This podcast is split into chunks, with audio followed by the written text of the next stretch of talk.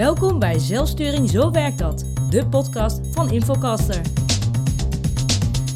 Hallo, welkom bij de vijfde podcast over zelfsturing, zo werkt dat. Zelfsturing bij Infocaster. Mijn naam is Joost Ramaar. Welkom aan Sander Hoeken en aan Peter Nijnhuis. Misschien moeten we beginnen, het onderwerp van vanmiddag is uh, finance. Sander zei net, het zou best kunnen dat we daar twee podcasts aan gaan besteden. Dat zullen we zo zien. Kennelijk is er veel over te vertellen. Je zou denken, zelfsturing gaat over mensen, maar kennelijk gaat het ook over geld. Maar misschien moet jij eerst even vertellen, Peter, waarom jij hier bij ons bent. Nou, ik ben um, uh, ooit van een oudsher uh, vrienden geworden met Sander. Um, op een gegeven moment ben, heeft hij mij gevraagd of ik niet de boekhouding van zijn holding wilde gaan doen. Ik zat destijds in mijn tweede jaar studie fiscaal recht en economie. En hij vond het verschrikkelijk. Hij zei, wil je dat alsjeblieft voor mij gaan doen? Uh, dus, en ik vond dat wel leerzaam. Ik denk, nou, tijdens mijn studie uh, extra dingetjes, waarom niet? Dus ben uh, begonnen met de boekhouding van zijn holding te doen. Um, gaan we best over welk jaar hebben we het dan? dat was 2012, 2013 zo'n beetje. Ongeveer. Um, heel veel vrije avondjes gewoon gespendeerd om een beetje te leren hoe zit het. Ik had de basiskennis van, van mijn opleiding natuurlijk wel in, in accountancy, maar niet echt met echt de praktijkboekhouden van hoe, hoe gaan dingen in zijn werking. Um, nou, uh, avondjes gerommeld, leuk gedaan, veel geleerd. En op een gegeven moment uh, gewoon een inzicht in, zo zit een boekhoudsysteem dus in elkaar. Um, en eind 2013 ging de, de, de, nou ja, de, de, secretaresse van Infocast, Yvonne, die stopte destijds. Die deed ook voornamelijk heel veel financiën. Waarop Sandra mij vroeg van, zou jij dan niet ook de boekhouding voor Infocast willen gaan doen? Als je dat leuk vindt.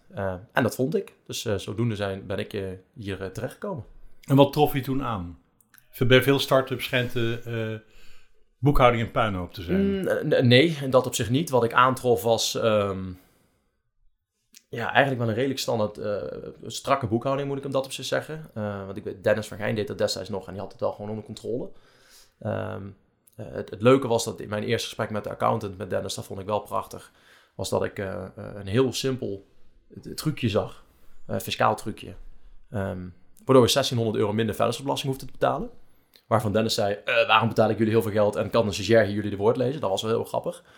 Um, uh, maar in de basis was de boekhouding was, uh, was, ja, was gewoon prima. En ik ben gewoon de lopende dingen gaan doen en de lopende dingen gaan bijhouden. Maar daar, ja. Jij hebt, jullie hebben elkaar leren kennen in Pavlov, als ik me goed herinner. In ieder geval in de Arnhemse horeca. Ja, klopt. Als barman. Ja. Als ik me goed herinner, heb jij ook boekhouding gedaan van het café? Nee, nee, nee. nee, nee. Oh, ik ben daar jarenlang barman geweest. Uh, ooit begonnen onder de vleugel van Maries, een oude vriend van uh, Sander. Um, en, op een gegeven moment uh, ging Maries weg, die ging aan de koopman aan de overkant beginnen. Toen daar de manager geworden. Um, en het eigenlijk altijd Pavlov gebruikt als mijn uitvalsbasis om wat centen te verdienen tijdens mijn studies. Goed, dan maak ik een valse start, want ik wilde vragen: wat is het verschil in boekhouding tussen Infocaster en een horeca-gelegenheid zoals ja. Pavlov? Geen idee. Geen idee. dat is niet vertellen. um, Oké, maar jij, doet, jij bent altijd zelfstandig gebleven. Je hebt je eigen. Uh, ja, nou, vrij snel nadat ik bij, uh, voor Infocast kwam gaan werken, had ik op een gegeven moment um, gezegd: van nou, weet je, uh, ik, ik, schrijf me in bij de Kamer van Koophandel, dan heb ik zelf wat voordelen. en dat is voor mij beter en voor jullie makkelijker. Um, en eigenlijk vanaf dat moment kwamen er allemaal mensen om de hoeken. Kun je dan ook dit voor mij doen? En begonnen allemaal klantjes binnen te wandelen. En zodoende ja, ja, creëer ik op een gegeven moment mijn eigen bedrijf. Uh, relaties opgedaan en via via op een gegeven moment ook bij andere mensen terechtgekomen met, met grote dingen.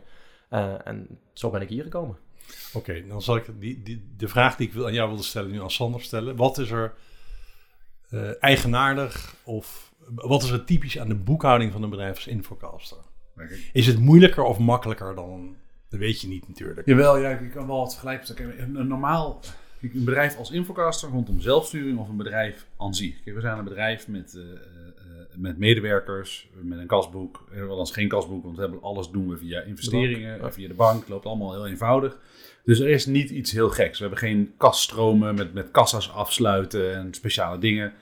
Ja, ik kom altijd fiscaal dingen door krijgen. We hebben een tijd lang uh, wat producten ontwikkeld waar we WBSO-subsidie op hebben gehad. Ja, dat moet je, je moet dingen gewoon goed regelen. Het is niet heel spannend. Wat, um, uh, uh, wat, maar het geeft dan ook niet heel veel inzicht. En dat is eigenlijk een beetje wat het is. Je boekhouding is voor heel veel ondernemers een soort sluitpost moet ik afronden en kijken wat er op de bank staat. En het wordt, het wordt wel heel snel spannend als je van dat idee afgaat en echt gaat denken, wacht even, maar laten we nou strategisch aanpakken. Daar hebben Peter en ik elkaar wel in gevonden om elkaar daar scherp in te houden en verder in te gaan. Oké, de boekhouding als strategisch doel. Nu wordt het, nu wordt het spannend, deze podcast. Wanneer, wanneer hebben jullie dat eh, in de gaten gekregen dat dat kon? Nou ja, kijk, eh, Of heb- misschien wist nee, jij ik heb, al. ja, ik heb ooit, eh, ik heb nooit fiscaal recht of zo gedaan. Ik heb commerciële economie gestudeerd, maar eh, ik ben heel erg van de cijfers. En dat weet. Peter ook. Je kan gek niet bedenken of ik reken het om, of ik bedenk hoe we een constructie kunnen maken met aanlouders voor bepaalde belangen op een juiste manier vorm krijgen. En dat was altijd al wel zo. Maar ik denk dat we nou met een boekhouder praten of zelf een beetje in de optiehandel zat op mijn achttiende. Ik snap heel snel derivaten, alle dingen. Ik begrijp die producten gewoon. Dus dat, dat, dat, dat is, uiteindelijk is het gewoon rekenen. En, ehm, en logica. En eh, wat ik heel erg, wat ik zag, we hadden een klant en op een gegeven moment ging die klant failliet. En dat was heel erg leuk om te, of dat was niet leuk om te zien, maar het was heel bijzonder om te zien, want die klant die had een hele gezonde inkomstenstroom. Ehm, en eh, hij had nog een inkomstenstroom. En het gezamenlijke bedrijf was heel succesvol. En toen viel één inkomstenstroom weg. En het bedrijf was eigenlijk meteen failliet. En wat je dus zag was dat die consolidatie van hoe gaat het met de hele onderneming, eh, zelfs bij een klein bedrijf levensgevaarlijk was. Want ze hadden eigenlijk helemaal niet door dat één activiteit waar twee derde van de mensen werkte eigenlijk verlieslatend was. Omdat de andere activiteit waar een derde van de mensen werkte heel erg eh, winstgevend was. En als je gewoon naar het geheel kijkt, dan zie je een gezond bedrijf. Maar als je naar de delen kijkt, zie je een ongezond bedrijf op delen. En eh, daar ga je, als je, daar, als, je, als je niet oppast, eh, dan heb je geen idee waar nou het gezonde en waar het ongezonde zit. En dat is eigenlijk wat geen enkele boekhouder ons ooit mee heeft geholpen. Of eh, ooit een keer een dialoog, moet je niet een keer minder verbijzonderen of verder verbijzonderen. Of moet je niet een keer... En, en, waar, en dat was waar ik Peter wel vond. Zeg, oh Peter, hoe kunnen we nu... dat is- begint meestal bij mij. Ja. Peter, hoe kunnen we nu aantonen dat? En dan komt er een vraag die vaak financieel van aard is. En dan, dan, dan, dan gebeuren er interessante dingen. En eh, dat is wel de reis die, eh, ja, waar, waar, waar het van een normale boekhouding naar een boekhouding gaat, waar de accountants van ons inhoudelijk van niet meer snappen wat we doen. Dus dat is de, de, de, de, de echte stuurinformatie. Dat begrijpen ze niet meer. Maar dat faillissement van die klant, was dat een soort signaalmoment? Dat was wel een van de momenten waarop ik eh, eh, heel erg de behoefte kreeg om ons bedrijf in, in brokjes op te delen die we los konden meten. Eh, En er was dus, en, en, dat hoor ik je net zeggen, er was niet echt iemand, een professional die jullie daarbij hielp. Dus jullie hebben dat uiteindelijk zelf uitgevonden hoe je dat doet. Nou, blijkt dus heel ingewikkeld te zijn. Even, dus het gaat wel, je kan wel afdelingen maken, je kan inkomstenstromen maken. Dat is allemaal heel makkelijk. Ja, nou, we zijn ooit heel simpel begonnen. Ja, dat is echt super simpel, maar het wordt snel complex. Omdat bijvoorbeeld je, je loonadministrateur levert gewoon één post sociale lasten aan. En één post bruto te betalen, of netto salaris en loonbelasting. Dus als jij gaat activiteiten En hoe gaat ga ik dat dan splitsen, verdelen. Ja, hoe, waar gaat dat? Dus je krijgt al, dus ik moet, je moet komt in één keer een soort dialoog met je loonadministrateur. Ja, Ja. wacht even, we hebben, hadden we twaalf mensen op de payroll, maar ik wil eigenlijk van ieder persoon weten wat die kost. En dan, dat, dat was echt, nou, dat, Huh? Ja, waarom? Ja. Ja, omdat we dat graag willen weten. Ja, maar dat kan niet. eh, Ja, maar dan moet dat kunnend gemaakt worden, want wij willen dat weten. En waarom kon dat niet? Had dat te maken met, met de software die die Nee, maar dat, het, administrateur het, het gebeurt niet in deze wereld.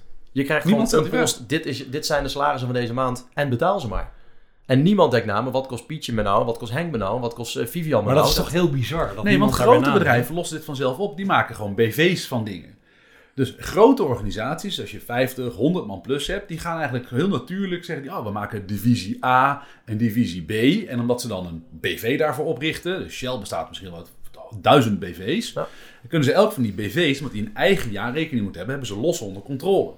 Maar het kleinbedrijf en het middenbedrijf, eh, die niet alles in BV structureert, en dat kan best wel schalen naar grotere bedrijven die ook gewoon één BV hebben, hebben Ja. heel die, die, die, dat, die blik niet.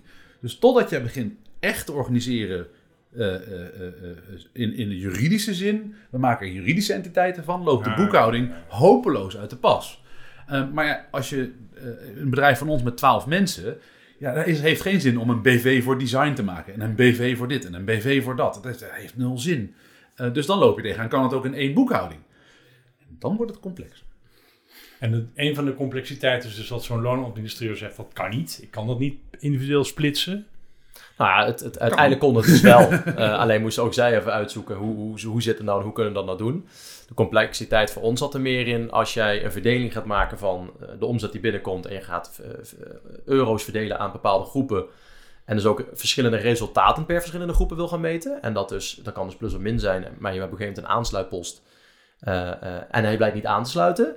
Dan wordt het complex. Maar waar zit het verschil dan? Want ik heb een euro verschil, maar is dat een euro verschil of is dat 1000 euro min en 999 euro plus? Dan wordt het in één keer heel spannend.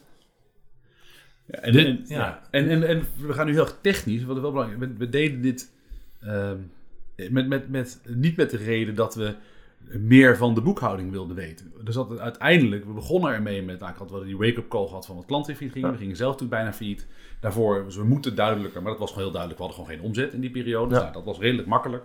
Lag niet aan één ding, gewoon heel de breedte, liep gewoon overal eh, bagger. Ehm, maar eh, de- de- toen we later dus weer, weer, weer, weer die weg omhoog vonden, had ik nog steeds het idee in mijn hoofd van, oké, dus één, aan enerzijds als, als bestuurder wil ik duidelijker grip krijgen op de financiën om te voorkomen wat aan beter aanzien komen wat er in 2012, 2013 gebeurde. Eh, maar aan de andere kant waren we bezig met die inrichting van een nieuwe organisatie. En daarvoor hebben we eigenlijk financiën als een van de kernpunten van zelfsturing gemaakt. En dan wordt het ex- exponentieel eh, complexer en anders.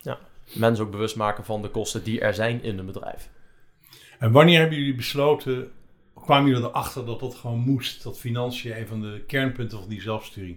Die zelfsturing is eh, begonnen in 2014, toch? Met jullie? Ja, 2013, 2014. eh, t- t- 2013 zijn we daarmee begonnen. Eh, en in 2014 kreeg het echt, eh, kreeg het echt vaart. In 2015 eh, nog veel meer vaart. Het is rond die koers. Ehm, wat, ik, wat ik eigenlijk in alle boeken over zelfsturing, we hebben het natuurlijk gehad over, over allerlei besluitvormingsprocessen, altijd las was, het ging altijd over de zachte kant van de dingen. Dus hoe komen we tot een besluit met elkaar? Hoe doen we de planning met elkaar? Hoe En ik vroeg stelde als de vraag, maar hoe weet ik nou wat ik kan uitgeven? En wij gaven vroeger, gaven wij, deden wij een soort van kwartaalsessie waar we kwartaallijk stelden wat de omzet was. Ja. En wat de winst was van het hele bedrijf. En dan ging iedereen weer uit elkaar en dan dachten we dat we transparant waren. Maar dat, dan weet niemand wat zijn eigen rol daar nou in is. Want alles gaat op de grote hoop. Het hele bedrijf draait 10.000 euro winst in een maand. Oké, hartstikke leuk. We draaien 10.000 euro winst in deze maand.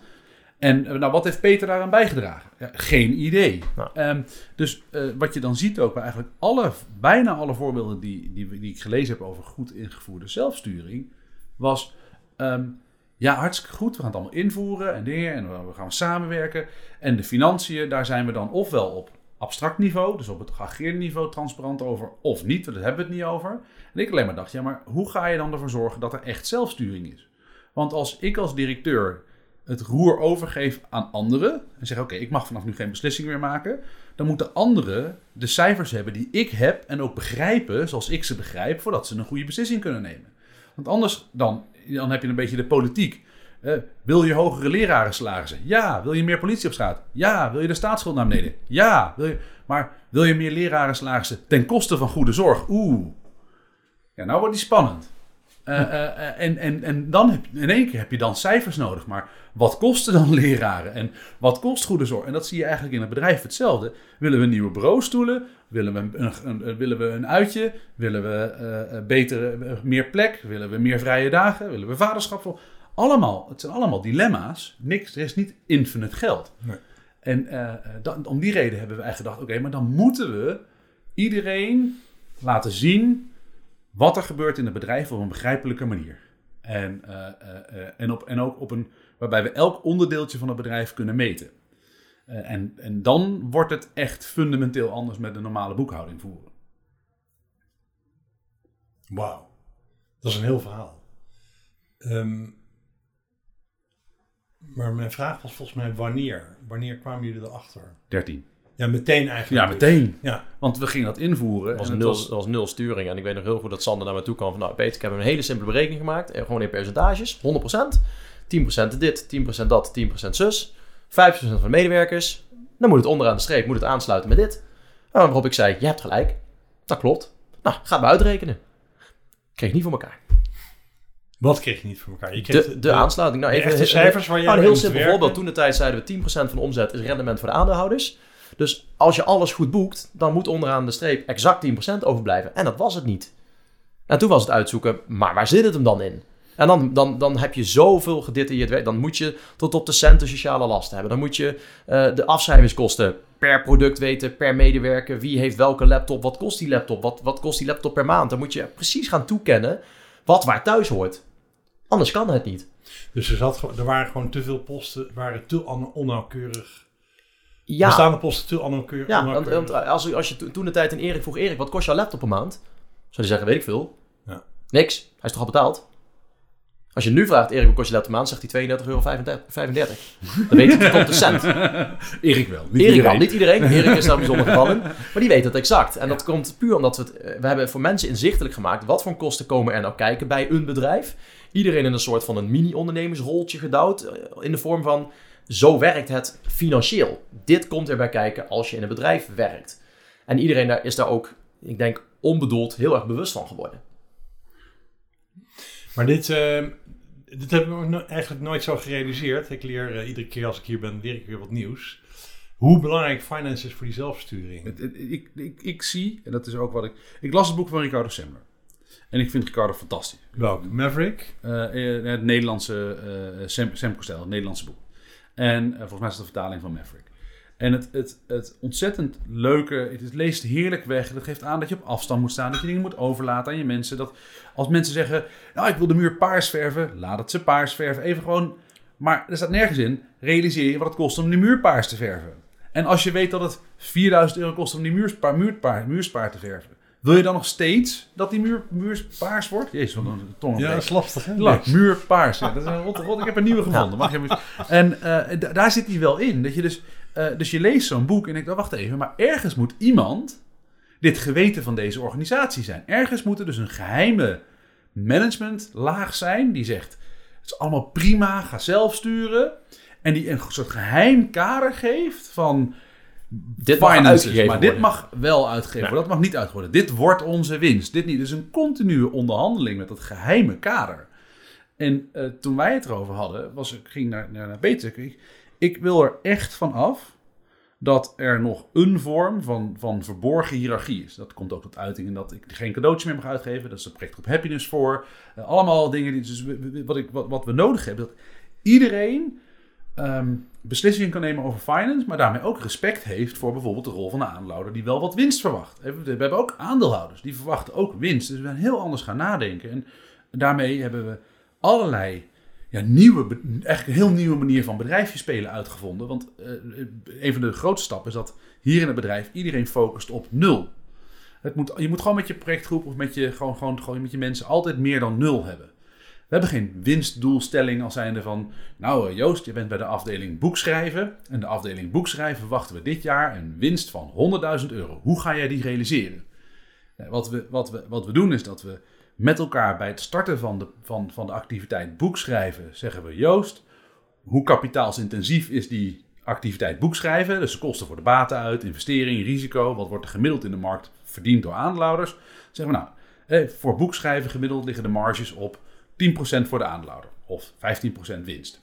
Oké, dus we, laten we dan zeggen dat de aandeelhouder van elke euro omzet die je gaat maken 15% krijgt.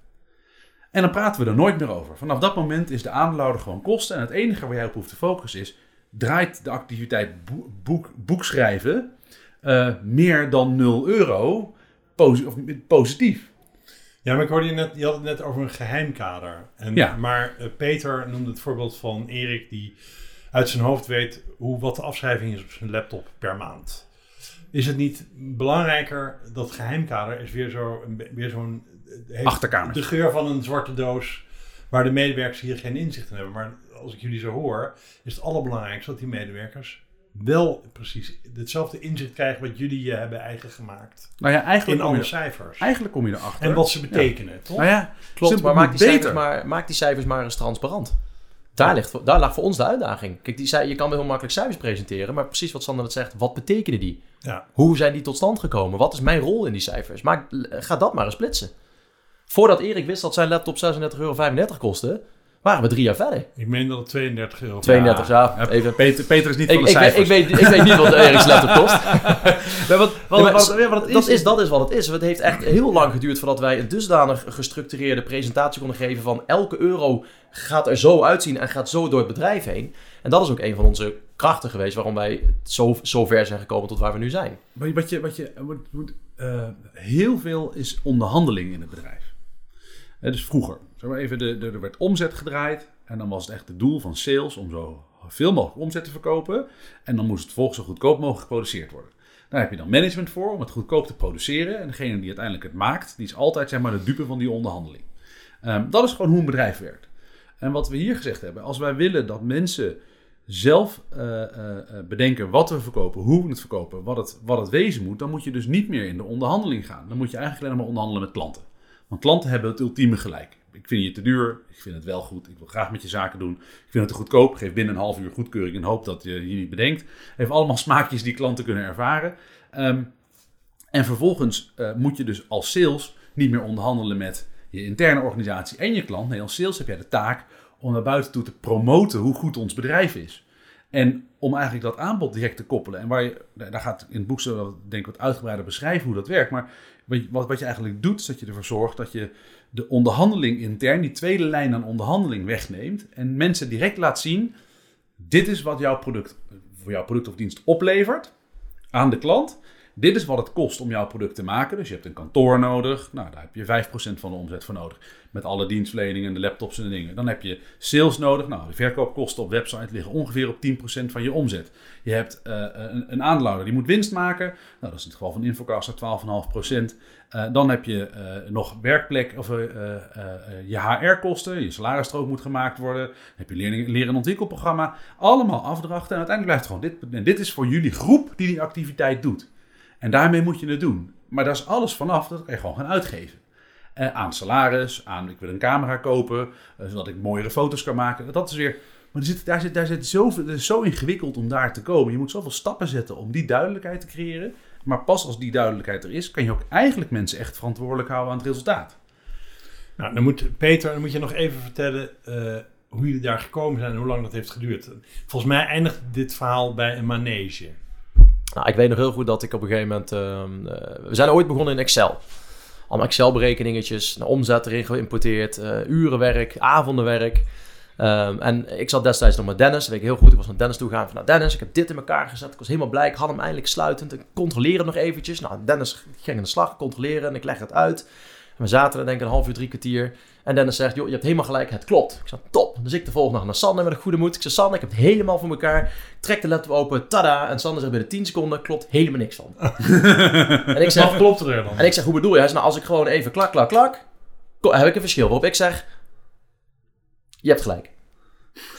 En, en, en, en dat was een punt dat ik op een gegeven moment mezelf dacht, nou, het gaat mij een petje te boven. Ik begrijp het gewoon niet meer. Heb je ontslag aangeboden? Ik heb tegen Sander gezegd, weet je wat, ik stop ermee. Zoek het uit. Want dat was voor mij, dat was de zoveelste keer dat ik het even moest gaan doen. En hij zei, je regelt maar gewoon. Toen heb ik letterlijk gezegd, weet je Sander, schijnbaar ben ik hier niet goed in. Uh, los het zelf maar op. Toen zei hij, nee, nee, nee, zo makkelijk kom je er niet vanaf. Gaan we terug naar de drawing board, doe het maar opnieuw. Um, nou, op een gegeven moment zijn we toen de stap gaan zetten naar Google Spreadsheets. Dat was al iets fijner, want met Excel ging op een gegeven moment 100 versies in de ronde. En wie had nou de laatste? En je moest overal data. Dat was een drama. Dus Sander heeft toen de tijd nog verplicht. Peter, ga nu maar met Google Spreadsheets werken. Want ik, dat was voor mij een beetje onbekend. Dus ik had zoiets van, nee, Je wilde niet. Excel werkt beter. uh, dus op een gegeven moment Google gaan werken en um, uh, dat was dat. En toen merkte ik op een gegeven moment, nou dat was dus al fijner, want je had eigenlijk altijd één versie.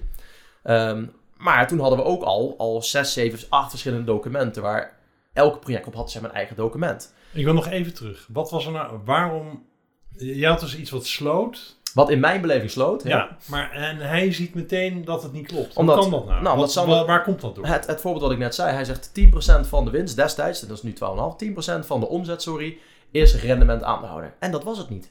Ik kon gewoon heel simpel zien. Ik zag allemaal hele moeilijke berekeningen met tussenstappen die allemaal heel goed uitzagen. Ja. Maar ik keek gewoon aan het begin, kwam 50.000 in. Aan het eind stond geen 5000. Dus het was eigenlijk heel simpel. Fijn, dankjewel voor je exercitie, maar het klopt niet. Ja. En omdat je, omdat je zo in de materie zit, Peter, zo in de materie van, klopt elk van die stapjes. En die leken allemaal goed, maar je zit heel snel op afwijking. Je zit heel snel op een keer te veel delen of vermenigvuldigen in plaats van delen. Allemaal dingetjes die gebeuren. En het, het, dat, dit was een heel eenvoudig punt. Maar ja, daar, daar zit, ze hebben 15 jaar, inmiddels meer dan 15 jaar ondernemerschapervaring. Toen zeg maar een jaar of 6, 7 zelf ook naar cijfers kijken. Dus ik keek gewoon links, rechts, klopt niet.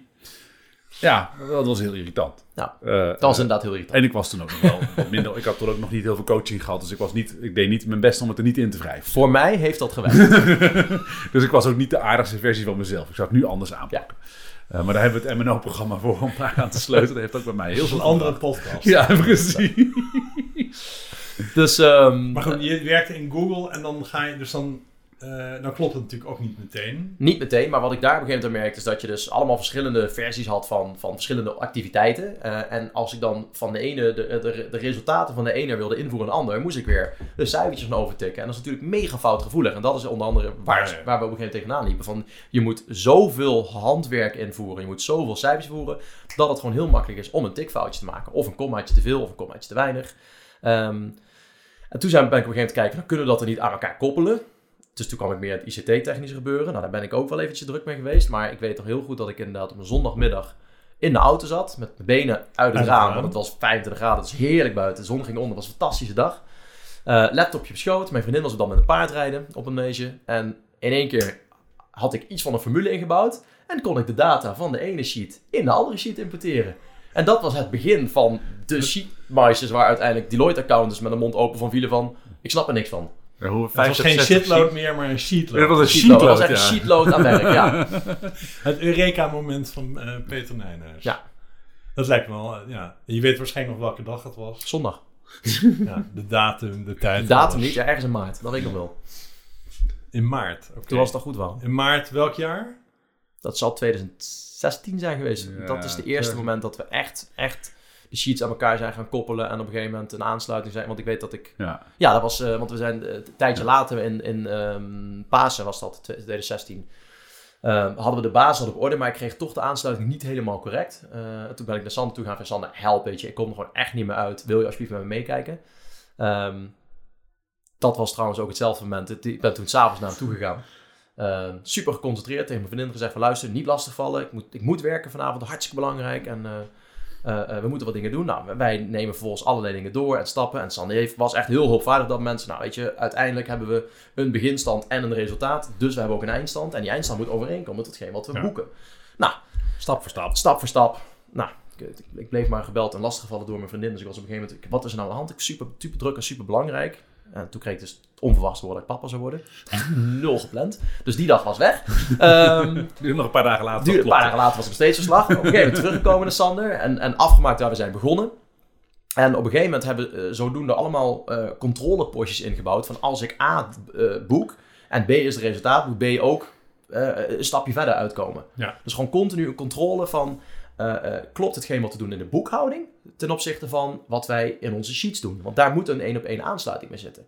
En op een gegeven moment kwamen we dus zover dat we echt tot op en, en, en er zitten heel veel afrondingsverschillen in Google Spreadsheets, want die werken met t- 20 cijfers achter de komma. Dat we gewoon echt op een 1 cent verschil een aansluiting konden maken met een omzet van bijna 2 miljoen.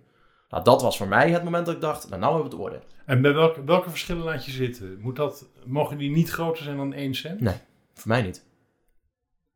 En nu werkt het zo dat de verschillen nooit groter zijn dan 1 cent. Ja, en als ze wel groter zijn dan 1 cent, dan weet ik waar die in zit. En dan boek ik die 1 cent gewoon als betalingsverschil, dat die alsnog 0 is. Dus de, eh, even resumeren voor de leek die ik ben. Ja. Ik, ben eh, ik vind boekhouden ook af een drama en ik ben er heel slecht in. Ehm, je begint ermee met het splitsen van, van die activiteiten en Ja. het echt uitrekenen wat de kosten en opbrengsten zijn per medewerker. Ja. Anders kun je nooit zelfsturing doen. En eh, dan kom je dus eh, uit praktische overwegingen bij Google Spreadsheet uit. Maar dan is heel belangrijk ook nog dat je al die spreadsheets aan elkaar kunt koppelen. Het Ja. belangrijkste is Dus dat, dat, als de- jij... dat de cruciale bedragen doorlopen van het ene spreadsheet in het andere. Nou ja, het belangrijkste is als jij, als jij euro's gaat verdelen. En jij gaat dus op basis van procenten euro's verdelen aan mensen of aan projectgroepen. En da- daar blijkt onderaan de streep ergens een resultaat uit te komen. En je gaat dat resultaat daadwerkelijk controleren dat het ook zo is. En nog wel, de, de keten in ons bedrijf werkt eigenlijk, het is heel praktisch. Twee leuke dingen. Zeg, ik ben niet goed in boekhouden. Eh, vorig jaar hebben Peter en ik ehm, mijn eigen holding in onze, in onze werkwijze gezet. En dat was een enorm leuke ervaring voor mezelf. Ehm, want eh, wat, wat er gebeurt is, elke euro omzet die binnenkomt, moet je toewijzen aan een activiteit. Dus je hebt nooit meer zomaar omzet. Je hebt altijd omzet X. Dus in jouw geval omzet follow the money, omzet, eh zeg maar even, omzet journalistiek, omzet eh, werk in opdracht. Kan je je voorstellen dat het twee verschillende stromen zijn. Ja.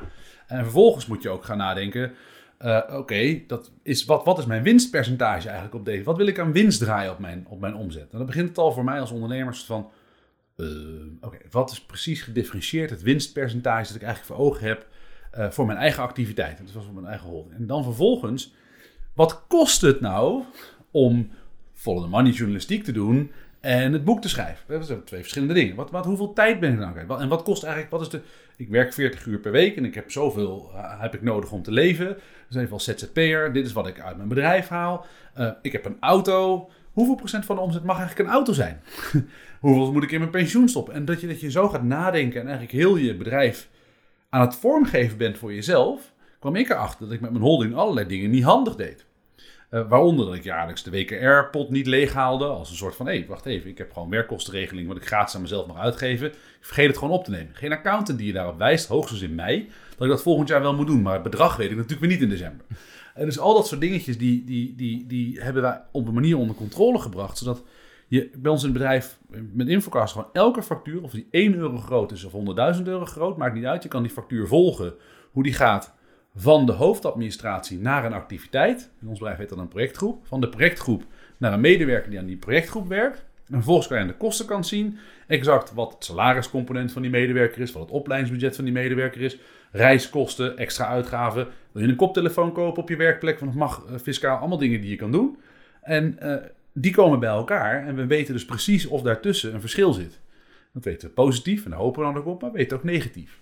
En met dat verschil weten wij niet alleen, als Peter en ik als managementinformatie, maar dat weet elke persoon ook. En ieder lid van die projectgroep weet dat, van zijn eigen projectgroep en van de projectgroep in het team. En op teamniveau weten we het over een hele activiteit. Dus de webbouwer, Infocaster, over hoe het met Infocast gaat. Cantor Instruments, onze activiteit in, in Cambridge met persoonlijkheidstesten. Hoe het daar gaat. En elk van die activiteiten valt zeg maar helemaal uiteen in kleine brokjes. En met die kleine brokjes kunnen mensen werken. Er is gewoon niemand die een boekhouding kan lezen. Gemiddelde medewerker snapt er geen bal van. Dus als ik gewoon jaarcijfers breng, omzetcijfers, kostprijsberekeningen, voorraadberekeningen, liquiditeitsberekeningen, niemand snapt het. Dus je moet het brengen naar termen en hapklare stukken waarbij iedereen zegt: Oh, ik zie het. Dit was onze omzet, dit is wat we kosten. Oh jee, we komen 2000 euro tekort. Uh, en dat is inclusief dat we dus ook al de winstrekening houden. Maar heeft dan, hebben jullie zelf, zelfsturende medewerkers inzicht in alleen dat laatste stuk, dat individuele alles, stuk? Alles. Dus zijn elke euro die, ze, die binnenkomt, zien zij naar alle activiteiten gedeeld worden. Binnen het team. Binnen het team. Maar ze zien dus ook alle euro's die wij uitgeven binnen het team, zien zij. Dus ze, ze, zien gewoon, wat komt erin, wat gaat eruit. En soms en zijn, over. we zijn je, sinds je dit zegt jaar... Niet, je zegt net, niemand begrijpt een snart van boekhouding. Nee, Ja. als jij een jaarrekening aan de medewerker geeft, dan zeggen ze, oh leuk, zie wat cijfers. Ik- Even Maar als dat- een balans, Oh ja. Dan zie ze, dan zie je hosting en, admi- hosting en domeinkosten. 15.000 Was, euro. was dat voor klanten? Was het onze interne marketing? Waren dat onze in- Ja, ja. interne servers? Was het onze e-mailserver? Wat, wat was dat? Waar komt dat vandaan? Waar wat, wat, wat zit daarin? Kosten software. Eh, nou, is fijn. We hebben als Infocast 10.000 euro kost software. Maar weten de developers dat het een Visual Studio is? Of weet eh, design dat het een Photoshop licentie is? Eh, uiteindelijk komt het op de grote post in een, in een, in een boekhouding. Kosten software. Nou, ik ben journalist. Ik eh, lees heel veel jaarverslagen om meer te weten te komen over bedrijven. En ik, dat levert inderdaad altijd dit soort van vragen op. Dus eh, in jullie hier, nu het model eenmaal functioneert, is de jaarrekening een soort sluitstuk. Dus een, eh, Het jaarrekening is voor ons niet meer dan een wettelijk document wat we moeten maken. ja. Ja, Letterlijk. absoluut niet meer nodig. Waarvoor, waarvoor we... Het draagt niets meer bij aan het besef van Nul. iedere medewerker hier van het rijlen en zij, Nee, financiële sterker nog, is, onze jaarrekening klopt ook niet. Nee, Want er zijn allebei posten die fiscaal niet geactiveerd mogen worden, die wij wel hier gebruiken en niet in onze, jaar, op een jaar, in onze jaarrekening anders moeten neerzetten. Wij moeten ook elke keer weer uitleggen aan de, aan de aandeelhouders waarom de winst volgens de jaarrekening niet de winst is. Want ze zeggen nee, de winst volgens onze interne documentatie is de winst. Maar jullie werken dus niet volgens IFRS of een... Of Nou ja, jaar, gaap? ja, ja, jaarrekening moeten wel. technisch wel, dat moet. Dus de jaarrekening, de- de- Deloitte Nee, maakt de- het, zijn hele kundige jongens, die, die, dat sluit exact aan met de internationale regelgeving. Maar als onze, me- als onze aandeelhouders naar kijken, zeggen oh, oh, leg die maar aan de kant, hier moet je naar kijken. Ja, Dit is ons systeem. Even een voorbeeld. Eh, jouw laptop, hoe lang gaat die mee? Ja, tot ik weer geld Oké, ja, oké. Nou, De, journalist onder ons. een, een beter voorbeeld, je telefoon. Hoe lang? Je telefoon. Wat zeg je? Je- hoe lang doe jij met een telefoon? Na twee, drie jaar is die kapot? Nee, Al niet meerdere kapot. keren kapot? Meestal eh, sluit ik na twee jaar een nieuw... eh, Twee jaar, oké. Maar je moet een vijf jaar afschrijven fiscaal. Dus van een belasting moet jij hier vijf jaar mee doen en dan pas mag je een nieuw. Nou, daar, daar hebben wij zoiets van, dat kan niet. Dat is gewoon economisch en de, in de huidige technologie, in de huidige In wereld, het internetbedrijf. eh, kan dat niet. Je kan niet een apparaat van vijf jaar gebruiken. Om, dat, is, dat is volledig achterhaald. Maar van de regelgeving moet het. Dus wij zeggen, regelgeving, hou er netjes aan. Weet je, het staat nog op de balans. Maar aan de andere kant ligt het hier in de kast, want we kunnen hem niet meer gebruiken.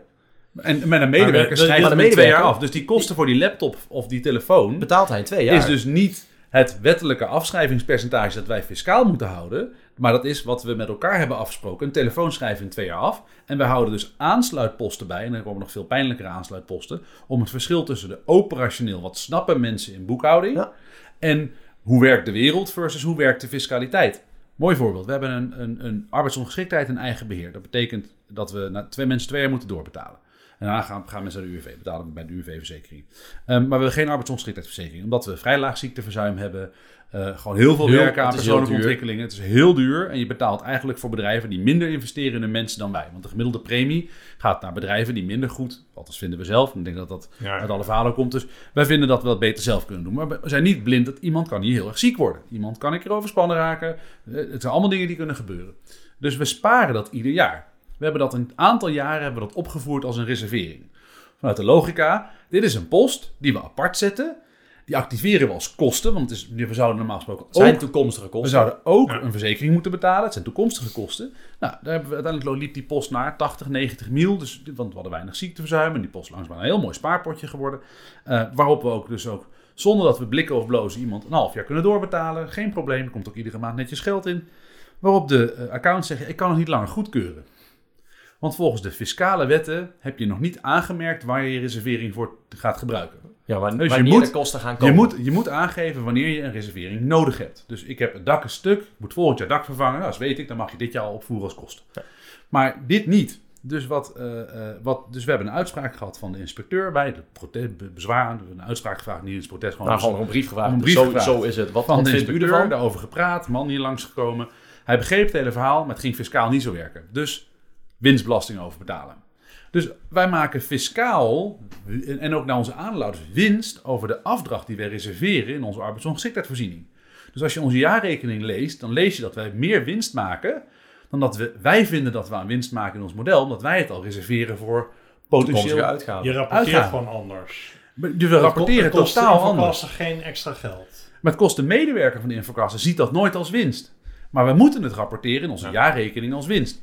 En als belastbare, zeg maar, belastbare winst. Dus moeten we daar VPB over betalen. En op het moment dat er iemand een keer ziek wordt en die pot wat verder leeg loopt, hebben we een aftrekpost. En in één keer zal onze jaarwinst dan in onze boeken heel matig uitvallen. Dan heb je aandeelhouders zeggen, nou, dan hebben we wel minder winst gedraaid. Nee, je moet, naar die, je moet naar die andere gegevens kijken. Daar staat de werkelijkheid in hoe we organiseren. Dat heeft geen zin om naar ieder jaar die mening te kijken van de fiscus. Weet je wat zo grappig is? We ken, je kent allemaal het begrip schaduwboekhouding. Dat zijn dan ondernemers die de fiscus oplichten en Ja. die heel anders rapporteren dan wat ze werkelijk aan het doen zijn. Maar bij jullie is de schaduwboekhouding eigenlijk de boekhouding die jullie aan de fiscus eh, geven. We het liefst hadden gegeven. Liefst ja. wel, ja, kom maar op. En iedereen Nee, maar dat is die officiële oh, zo, ja. jaarrekening Ja. volgens de regels Is- van ja, de fiscus. dat is, Dat dat is scha- ja, dat is onze schaduwboekhouding. schaduwboekhouding. Dat is onze schadeboekhouding. Die ja. weerspiegelt in geen enkele manier, op geen enkele manier de realiteit Nee, van info. Hetzelfde ratio's. We hebben, je hebt allemaal debt ratios, current ratios, quick ratios, Loan-to-value on- lo- ratio. loan-to-value, allemaal dingen. Eh, Niemand snapt dat. Maar het is heel belangrijk als je een lening zou willen aanvragen, dat we niet doen, allemaal dingen die we niet doen, maar oké, die een lening aanvragen voor dingen, dan heb je dat allemaal nodig. Eh, wat, wij, wat wij hebben hier is een drop-dead ratio. Hoeveel maanden kan ons bedrijf verder zonder nieuwe opdrachten? Dat betekent dat alle orders die, die, die geclosed worden, die worden als conceptboekingen geboekt. Dan weten we, nou, we hebben nog 400.000 euro in ons orderboek zitten. Dat mogen we gaan factureren. We hebben nog 300.000 euro openstaande facturen. Dat geld komt binnenkort binnen. We hebben nog wat op de bank staan. Nou, dat is ook geld. En vervolgens dat bij elkaar opgeteld delen we door, het, door de, onze gemiddelde kostenvoet per maand. Tada! En dan weten we hoeveel maanden we verder kunnen zonder dat er één nieuwe opdracht komt. En ik kan jou morgen uitleggen. ehm, Joost, ja, het wordt wat krapper even qua investeringen, want onze drop-dead ratio is één maand. Oh ja, Sander, snap ik. Want het is echt dit is heel hoe, spannend. We moeten wel even goed op eh, nieuwe klanten Ja. scoren. Dat Iedereen snap jij. dat. Als ik jou zeg, ja, onze liquiditeitsbehoefte de komende maanden is wel wat toegenomen. En we zien dat onze current ratio wat eh, onder heeft. Eh, Dat een boekhouder dan vervolgens zegt, ja, maar dit is geen officieel erkende ratio. Serieus, dat is dan de feedback die je van een Maar hij, krijgt. hij, hij is beter dan alle ratio's die er wel zijn. Ja, maar dat, maakt, dat is even als ons waardeoordeel. Ja. Laat even. I don't care. Dit is een ratio die mensen snappen. En het is fijn dat jij in je, in je, in je- in je rapportages van anderen. haal die vooral ver- vermenigvuldig en doe dingen uit onze balans die jij hebt. Leef je uit. Maar in onze rapportages aan onze mensen laten we een drop-dead ratio zien. En niet dit soort dingen. En daar zit wel de belangrijkste stap in. Goed. Het lijkt mij, eh, jullie hebben heel helder uitgelegd waarom dit, waarom zelfsturing, echte zelfsturing niet kan bestaan zonder dit eh, financiële systeem. Maar wat kunnen jullie er verder mee? En dan doe ik vooral op wat jullie aan het bouwen zijn, die Bright Ecology. Eigenlijk zijn jullie een heel nieuw bedrijf of een nieuwe set activiteiten aan het opstarten. Maar wat we, wat we, wat we gedaan hebben is... ehm, iedereen mag hier nieuwe activiteiten beginnen. Dus sowieso binnen Team Infocaster, binnen gewoon de organisatie. En wat, we dus, wat er dus ontstaan is zo dat we... Ik weet niet, we deden afgelopen jaar misschien drie, vier ton aan contentwerk. Dus eh, social media posts, eh, eh, helpen bij Leidsterrein Centrum, communicatie. Allemaal, we, we, we helpen met de introductie van de slimme meter. Allemaal dingen die we voorheen nooit deden. Die ontstaan zijn heel erg vanuit, oh, iemand eh, die hier zit, die denkt, laten we ook laten we even helpen met tekst. De klant zegt, oh, dat is fijn, dan kan ik je helpen met tekst. Oh, dan moeten we even een projectgroep oprichten die heet content. Oké, we hebben nu een projectgroep content. Nou, dan komt dan omzet op binnen. Oh, het wordt wel heel druk bij die projectgroep content. We moeten nieuwe mensen hebben. En voor je het weet werken er drie, vier mensen die, die met elkaar eigenlijk een nieuw minibedrijf hebben gestart. Dus eh, sowieso, het, het starten van nieuwe dingen is super laagdrempelig geworden. En eh, ik, als zeg maar, eh Ook officieel... omdat de financiële beheersing zo goed is. Ja, want ik hoef er ook geen zorgen over te maken. Want Nee. het, is, het is meteen gekoppeld aan financiële verslaglegging. Ja, Dus mensen zijn bewust van de cijfers, van, van de, de impact van uitgaven. Oké, maar is het niet zo dat als je bijvoorbeeld als je voor het, als je eh, content een serieuze activiteit wordt binnen het bedrijf, dan kan ik me voorstellen dat eh, content zich anders gedraagt dan andere activiteiten. Dus dat je eh, reken- rekening moet houden dat de kosten hoger zijn en dus de bruto verdiensten op content wat lager uitvallen. Of Nee. werkt dat zo niet? Nee, dat werkt helemaal niet. Kijk, omdat je alles mee... Je, je verbindt op het geheel, maar je meet elk deeltje. En content bestaat dan gewoon weer uit vier medewerkers.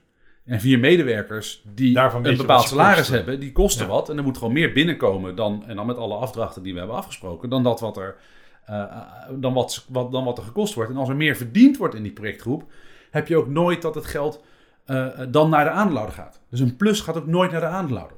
Het is Nee. nooit dat dan, wat je echt krijgt met budgetten, van nou, er is nog er is 1 miljoen euro budget. Aan het eind van het jaar hebben we 7 ton opgemaakt. We bellen nog heel eventjes snel iemand op en zeggen dan, eh eh, eh, de Infocast kan je nog even een factuur sturen, want dan starten we even een project en dan kunnen we vast projecten. Anders heb, ben ik het budget volgend jaar kwijt. Wat er gebeurt bij alle andere bedrijven, en dat voelt mijn ogen nogal onveilig, is als ik mijn marketingbudget dit jaar niet opmaak, is het A, wat ik over heb, is voor de aanlouder. En B, Word ik volgend jaar volgend gekort. jaar word ik gekort. En wat wij hier hebben is, je hebt een activiteit, die activiteit verdient geld. En als jij in december, en dat was letterlijk zo, eh, eh, want mensen willen graag ook met de rug van de muur staan. Hè, dus development had iets van, van, van 100.000 euro plus stand. Er werken ook het meeste mensen, die gaan ook vanzelf meer buffer aanhouden. Eh, die 100.000 euro plus stand, die is er in januari ook nog.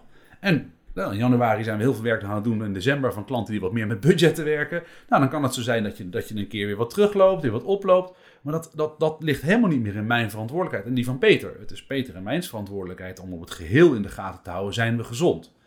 En eh, Zijn we gezond en krijgen we de juiste informatie? Ja, die, die, die, de- Dat er niet meer die rare Maar verschillen wij- nou, wij- optre- optreden aan het begin van eh, Ja, maar dat, weet je, dat, dat, rit. ja, maar dat hebben we nu wel zo onder controle. Dat die verschillen die hebben we nu wel helder. Waar wij nu voornamelijk op kijken is... ehm, ehm, eh, hoeveel geld komt er binnen? Is er geld voor die activiteit? Even, kunnen we gewoon een salaris betalen? Gewoon even heel basic terug naar de, naar de aarde. Hoe staat het met het hele bedrijf?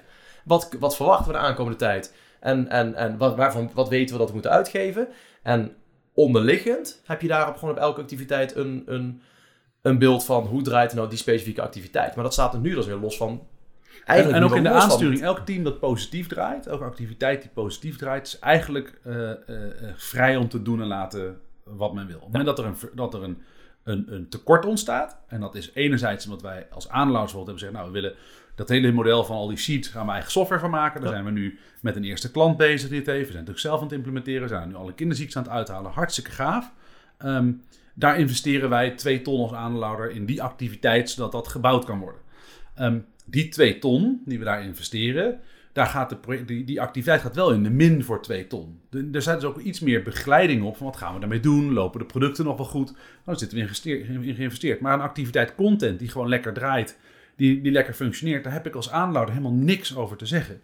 Eh, die zijn totaal zelfbeschikkend over wat ze gaan doen daarmee. Alleen we hebben met elkaar natuurlijk afspraken gemaakt over wat, zijn onze, is onze ethiek, hoe gaan we met elkaar om. Allemaal andere afspraken, waardoor we... En iedereen kan ieders data zien. Dus vanzelf komen er wat momenten dat misschien mensen gaan zeggen... Ja, ik die wel een beetje gênant veel. Misschien moet ik even gaan nadenken of ik wat meer aan mijn collega's ga geven... of, andere dingen ga bijdragen. Wat ook echt gebeurd is. Ehm, dus we zitten, die, die, dat houdt elkaar heel erg in, intact. En de sturing zit eigenlijk op de tekorten. Dus als Peter en ik kijken, is het Enerzijds sturing op tekorten, waar, waar, waar, welke activiteiten Welke risico's zien we? eh, lopen niet goed hebben. En welke activiteiten hebben heel veel kapitaal nodig. Dus dus eh, het activiteit in Amerika hebben we wel gewoon heel goed gedraaid vorig jaar. Ehm, maar het geld, we wisten dat we het overnamen van een bedrijf die nog een tijdje lang de facturen doet, die er financieel niet goed voor zit. Dus daar zit een hele grote openstaande facturenpost. Dat is niet fijn. Dat drukt op de liquiditeit. Daar hebben wij het over. Oké, hoe gaan wij met dat soort liquiditeitsbehoeften om? Hoe zorgen we dat de hele ecologie gezond is, zodat dan de projectgroep Content, die hartstikke goed draait, geen last heeft van het feit dat we 100.000 euro onbetaalde facturen in Amerika hebben. Met een heel mooi perspectief, geen probleem. Maar wel even, er is nu wel dan eh, even gat wat van 100.000 liquiditeit, euro, een gat van 100.000 euro. En we willen niet dat de ene activiteit last van de andere. Dat is ons financieel management nu op heel bedrijfsniveau waar wij ons op focussen. Als ik jullie zo hoor praten, dan redeneren jullie heel erg vanuit de kosten. En niet vanuit winst. We willen zoveel winst maken. Nee, nul. Jullie beginnen aan de andere kant. We beginnen hons aan de andere kant en dat betekent ook een, de ladder. eh, een, een activiteit die het heel druk heeft, zegt we hebben meer mensen nodig, want we zijn veel te druk. Dan verdienen ze ook hartstikke veel. Ehm, en op het moment dat er dan ehm, iemand bij komt, dan moet die wel betaald kunnen worden. En uiteindelijk is, is, is in feite is het gewoon kosten plus. Eh, alle extra kosten die het bedrijf aangaat, moeten uiteindelijk verantwoord worden met inkomen. Alleen, eh, dat is geen functie van een manager of een directeur. Dat is een functie van iedereen die een activiteit start. En ik denk dat toen, je, toen, je, toen wij het hadden over dit boek en de, uiteindelijk de podcast die we nu doen, eh, toen zei ik tegen ik kan niet zomaar beslissen, ik moet overleggen met de projectgroep marketing. En we moeten even nadenken over een mogelijk verdienmodel hierachter, want ik denk dat de hele kosten te hoog zijn voor de projectgroep marketing om te draaien. En eh, dat is precies dat. Ik had het met jou over uitgaven en dat betekent automatisch dat ik moet nadenken over inkomsten. Het, er is hier niemand vrijgesteld eigenlijk om na te denken over uitgaven zonder na te denken over inkomsten. ja. En iedereen heeft dus zijn dilemma's om te besteden. Is het dekkend? Is het dekkend? En dat kan zijn, is het dekkend omdat mijn collega's voldoende afdragen aan finance? Dus in het geval van Peter, ik wil investeren. Hebben we wel voldoende dekking voor, voor aan budget dat we aan finance geven? Eh, en aan de andere kant betekent dat, hebben, kunnen we daar wel een klant voor vinden? Is er wel voldoende diepte investering? Moeten we deze diepte investering nu doen? Kunnen we daar, wel- welke klanten kunnen we daarmee vinden?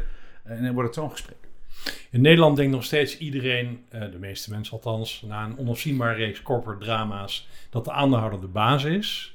En dat alles draait om de winst voor de aandeelhouder. Maar jullie beschouwen de winst voor de aandeelhouder als een kostenpost. Ja. Ja, het is een kostenpost, niks anders. En dat betekent ook dat er geen onderhandeling meer plaatsvindt. Dat is dus, wat het grootste probleem is, vind ik, van de arbeidsmarkt is... het gaat goed en dan de aanlouder gaat geen geld naar rato geven aan de medewerkers. Dus er ontstaat eigenlijk een achterstand in loonbetalingen. Dus je ziet dat dat loon, loongat ontstaan van corporate winsten... en medewerkers die dan vervolgens daar niet van profiteren. Iedereen het Malieveld op, hoop gezeik, hoop gezanik en terecht... En vervolgens worden er op het hoogtepunt van de conjunctuur worden er vijf jaar afspraken gemaakt over cao's, die dan vijf jaar lang gaan stijgen. En rara, na die vijf jaar, zeg maar binnen die vijf jaar, jaar één of twee draait de conjunctuur. En houden die bonden terecht vast aan die eis, want ze weten, als wij er niet aan vasthouden, de volgende keer dat die bedrijfswinsten weer stijgen, krijgen wij naar rato niks meer. En dus de relatie hier van de aanlouder met het bedrijf is, als het goed gaat, dan krijg je altijd meer. Als het slechter gaat, krijg je altijd minder. Maar, en heel belangrijk, we zijn hier niet blind voor vaste lasten. We zijn niet blind voor... Het is niet zo dat iedereen in een ZZP-constructie zit. Je hebt altijd je vaste salaris. Je moet gewoon een hypotheek aankunnen. Dat betekent dat er ook wel eens momenten zullen zijn... dat ons hele bedrijf misschien wel in een tekort draait. Ehm, Maar en dat moet eerst even ingelopen worden ook... voordat we weer plussen gaan uitkeren. Dus je wilt met elkaar in balans houden... maar het is 100% transparant en dus geen onderhandeling. Dus eh, in dit geval bij Infocast, dus 87,5% van de omzet is voor het bedrijf discretionair om te besteden. Daar heeft de aanlouder niks over te zeggen. Ehm, zolang alles in de plus staat. Zolang het, het, hele team positief draait. Zolang er geen tekorten zijn. Ehm, en dus dat is geen, daar is geen onderhandeling meer. Dat zit gewoon vast. Dat is klaar. Daar zit het. En dan weet je, volgend jaar is het zo. Het jaar erop is het zo. En, en af. Dat geeft rust. En Toch? vertrouwen. Maar ook En vertrouwen. Want dat betekent dat er nooit aan het eind van het kwartaal, aan het eind van het jaar gezegd wordt door een aanlouder. Nou, er is, eh, we hadden op 100.000 euro winst gerekend. Dank organisaties die 2 ton winst hebben ge- gemaakt. En dan gingen, gaan dan nog, we moeten even het management belonen. Management, hier is 10.000 piek. Oh, en management, hier is nog 10.000 piek. Dat kan je besteden aan wie jullie de beste medewerkers vinden. Lekker arbitrair, super irritant. En vervolgens 80.000 euro meer winst voor de aanlouder. Volgend jaar winstdoelstelling 200.000 euro. Waarom? eh, als dat niet in relatie tot de omzet staat, als het incidenteel was, als het gewoon een hele goede prestatie was, of mensen hebben zich de, de, de, de, de, de benen onder het lijf uitgewerkt, dan hoort dat daar te liggen. Dat is niet voor de aandeelhouder. En dus is iedereen in een soort van: je moet pakken wat je pakken kan van de aandeelhouder. En terecht, want anders pakt de aandeelhouder het. En hier is het: wat de aandeelhouder niet toekomt, blijft in het bedrijf ter beschikking aan de activiteiten die het ook verdiend hebben. Daar zitten we met onze poten als aandeelhouder niet aan. Waarom? Daarom dus. Dit Ja. lijkt me een mooie afsluiting van de vijfde podcast Zelfsturing. Zo werkt dat. Dankjewel Sander, dankjewel Peter. Graag gedaan. We werken toe met deze serie naar een event op 18 april waar eh, nog veel meer verteld gaat worden over zelfsturing en waar ook een boek over zelfsturing zal verschijnen. Dank jullie wel, tot de volgende keer. Dankjewel.